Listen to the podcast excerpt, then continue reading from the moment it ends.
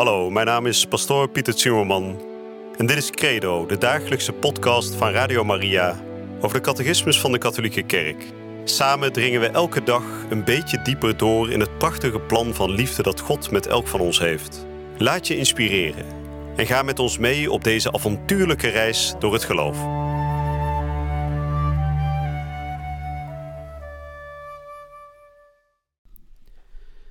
Vrienden, van harte welkom terug bij de nieuwe uitzending van Credo, waarin we de afgelopen dagen hebben gesproken over Maria als moeder van God, als onbevlekte ontvangenis, als heilige maagd, als altijd maagd. We gaan al deze geloofswaarheden vandaag even samenvatten. U weet, aan het einde van elke paragraaf in de catechismus staat een blokje dat heet in het kort en dan wordt in het kort samengevat wat we gehoord hebben. Nou, het zijn wat kortere artikelen vandaag en dat betekent dat we zelf wat meer erop kunnen gaan uh, reflecteren. We kunnen wat meer uh, de diepte ingaan over de betekenis van alles wat we hebben gehoord. Maar zoals gebruikelijk zullen we ook deze uitzending weer beginnen met een kort gebed. En dan zullen we daarna gaan bekijken wat we de afgelopen dagen voorbij hebben zien komen. Maar ik begin dus met een gebed. In de naam van de Vader en de Zoon en de Heilige Geest. Amen. Heer Jezus, om het wonder van uw menswording te begrijpen, moeten wij ons keren tot uw moeder Maria. Zij is de sleutel tot het goed verstaan van het Evangelie. Als wij haar niet binnenlaten in ons leven, in ons hart, zullen wij nooit precies begrijpen wie u bent, zoon van het leven. Heer Jezus Christus, openbaar voor ons het belang van een liefde en eerbied voor uw heilige moeder. Ontsteek onze harten in een diepe liefde tot haar, die u mocht baren en die ook onze moeder is door het doopsel. Amen. En ik lees voor de nummers 508 tot en met 511. In het kort. In het geslacht van Eva heeft God de maagd Maria uitgekozen om de moeder van zijn zoon te zijn. Vol van genade is zij de verhevenste vrucht van de verlossing. Vanaf het eerste ogenblik van haar ontvangenis is zij geheel gevrijwaard van de smet van de erfzonde. En zij is heel haar leven lang vrijgebleven van elke persoonlijke zonde. Maria is werkelijk moeder van God. Aangezien zij de moeder is van de eeuwige, mens geworden zoon van God, die zelf God is. Maria is maagd gebleven toen zij haar zoon ontving. Maagd toen zij hem baarde. Maagd toen zij hem droeg. Maagd toen zij hem voedde aan haar borst.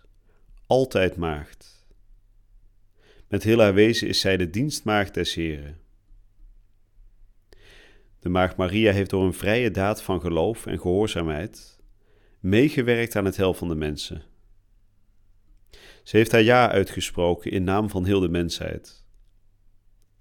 Door haar gehoorzaamheid is zij de nieuwe Eva geworden, moeder van de levende. Nou, zoals gezegd, een iets korter stuk vandaag. Maar ja, wel heel kernachtig en heel goed verwoord natuurlijk wat de catechismus de afgelopen dagen heeft willen zeggen. Namelijk, Maria is vol van genade. Dat betekent, in haar is geen smet. De smet van de eerste zonde is aan haar voorbij gegaan. Ze is ervan gevrijwaard, zoals dat met een mooi woord heet. Ze is werkelijk moeder van God. Ze is moeder van de eeuwige, moeder van het mens geworden woord. En ze is ook altijd maagd gebleven. Dat betekent, hè, zoals Augustinus het net zo prachtig verwoordde, dat ze maagd was bij het ontvangen van Jezus in haar schoot, maagd toen zij hem baarde, maagd toen ze hem droeg, maagd toen ze hem uh, voedde aan haar borst, altijd maagd. Nou, een prachtig beeld natuurlijk van Maria die door de eeuwen heen altijd als moeder en maagd is beschouwd door heel de christenheid. En dan horen we een belangrijk punt, we hebben dat de afgelopen dagen ook al gehoord, namelijk dat Maria vooral begenadigd is vanwege het feit dat ze instemt met het plan van God.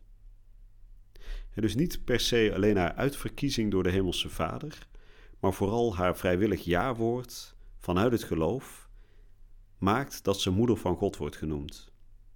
En dan wil de catechismus mee aanduiden dat dat mysterieuze stukje uit het evangelie, dat dat daar eigenlijk mee verklaard wordt. U kent dat stukje in het evangelie waarschijnlijk, waarin uh, we, lezen, we horen dat uh, de moeder en de broeders van Jezus buiten staan.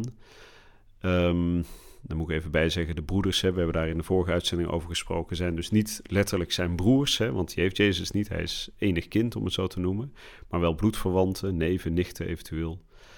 Maar we horen in ieder geval dat ehm, Maria en zijn bloedverwanten buiten staan.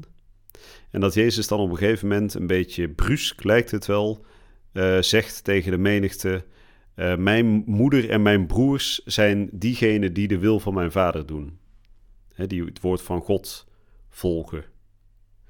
En dan lijkt het net alsof hij zijn eigen moeder en zijn bloedverwanten afwijst. Maar wat doet hij daar? Dat doet hij niet. Hij bevestigt dat Maria inderdaad zijn moeder is, maar niet alleen maar omwille van het feit dat, ze, dat zij ehm, zijn biologische moeder is, maar vooral vanwege het feit dat ze heeft ingestemd met het plan van de Vader.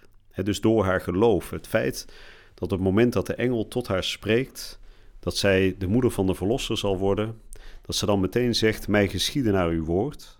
En dat ze dus ook gelooft dat dat waar is. dus dat ze niet gaat twijfelen aan het feit dat de Heilige Geest uh, mens kan worden. ze had ook kunnen zeggen, ja, daar geloof ik niet dat de Heilige Geest dat kan. Ik geloof niet dat de Heilige Geest in mijn schoot mens kan worden. Heeft ze niet gezegd, ze heeft meteen met dat plan ingestemd. En dat maakt haar tot moeder van alle gelovigen.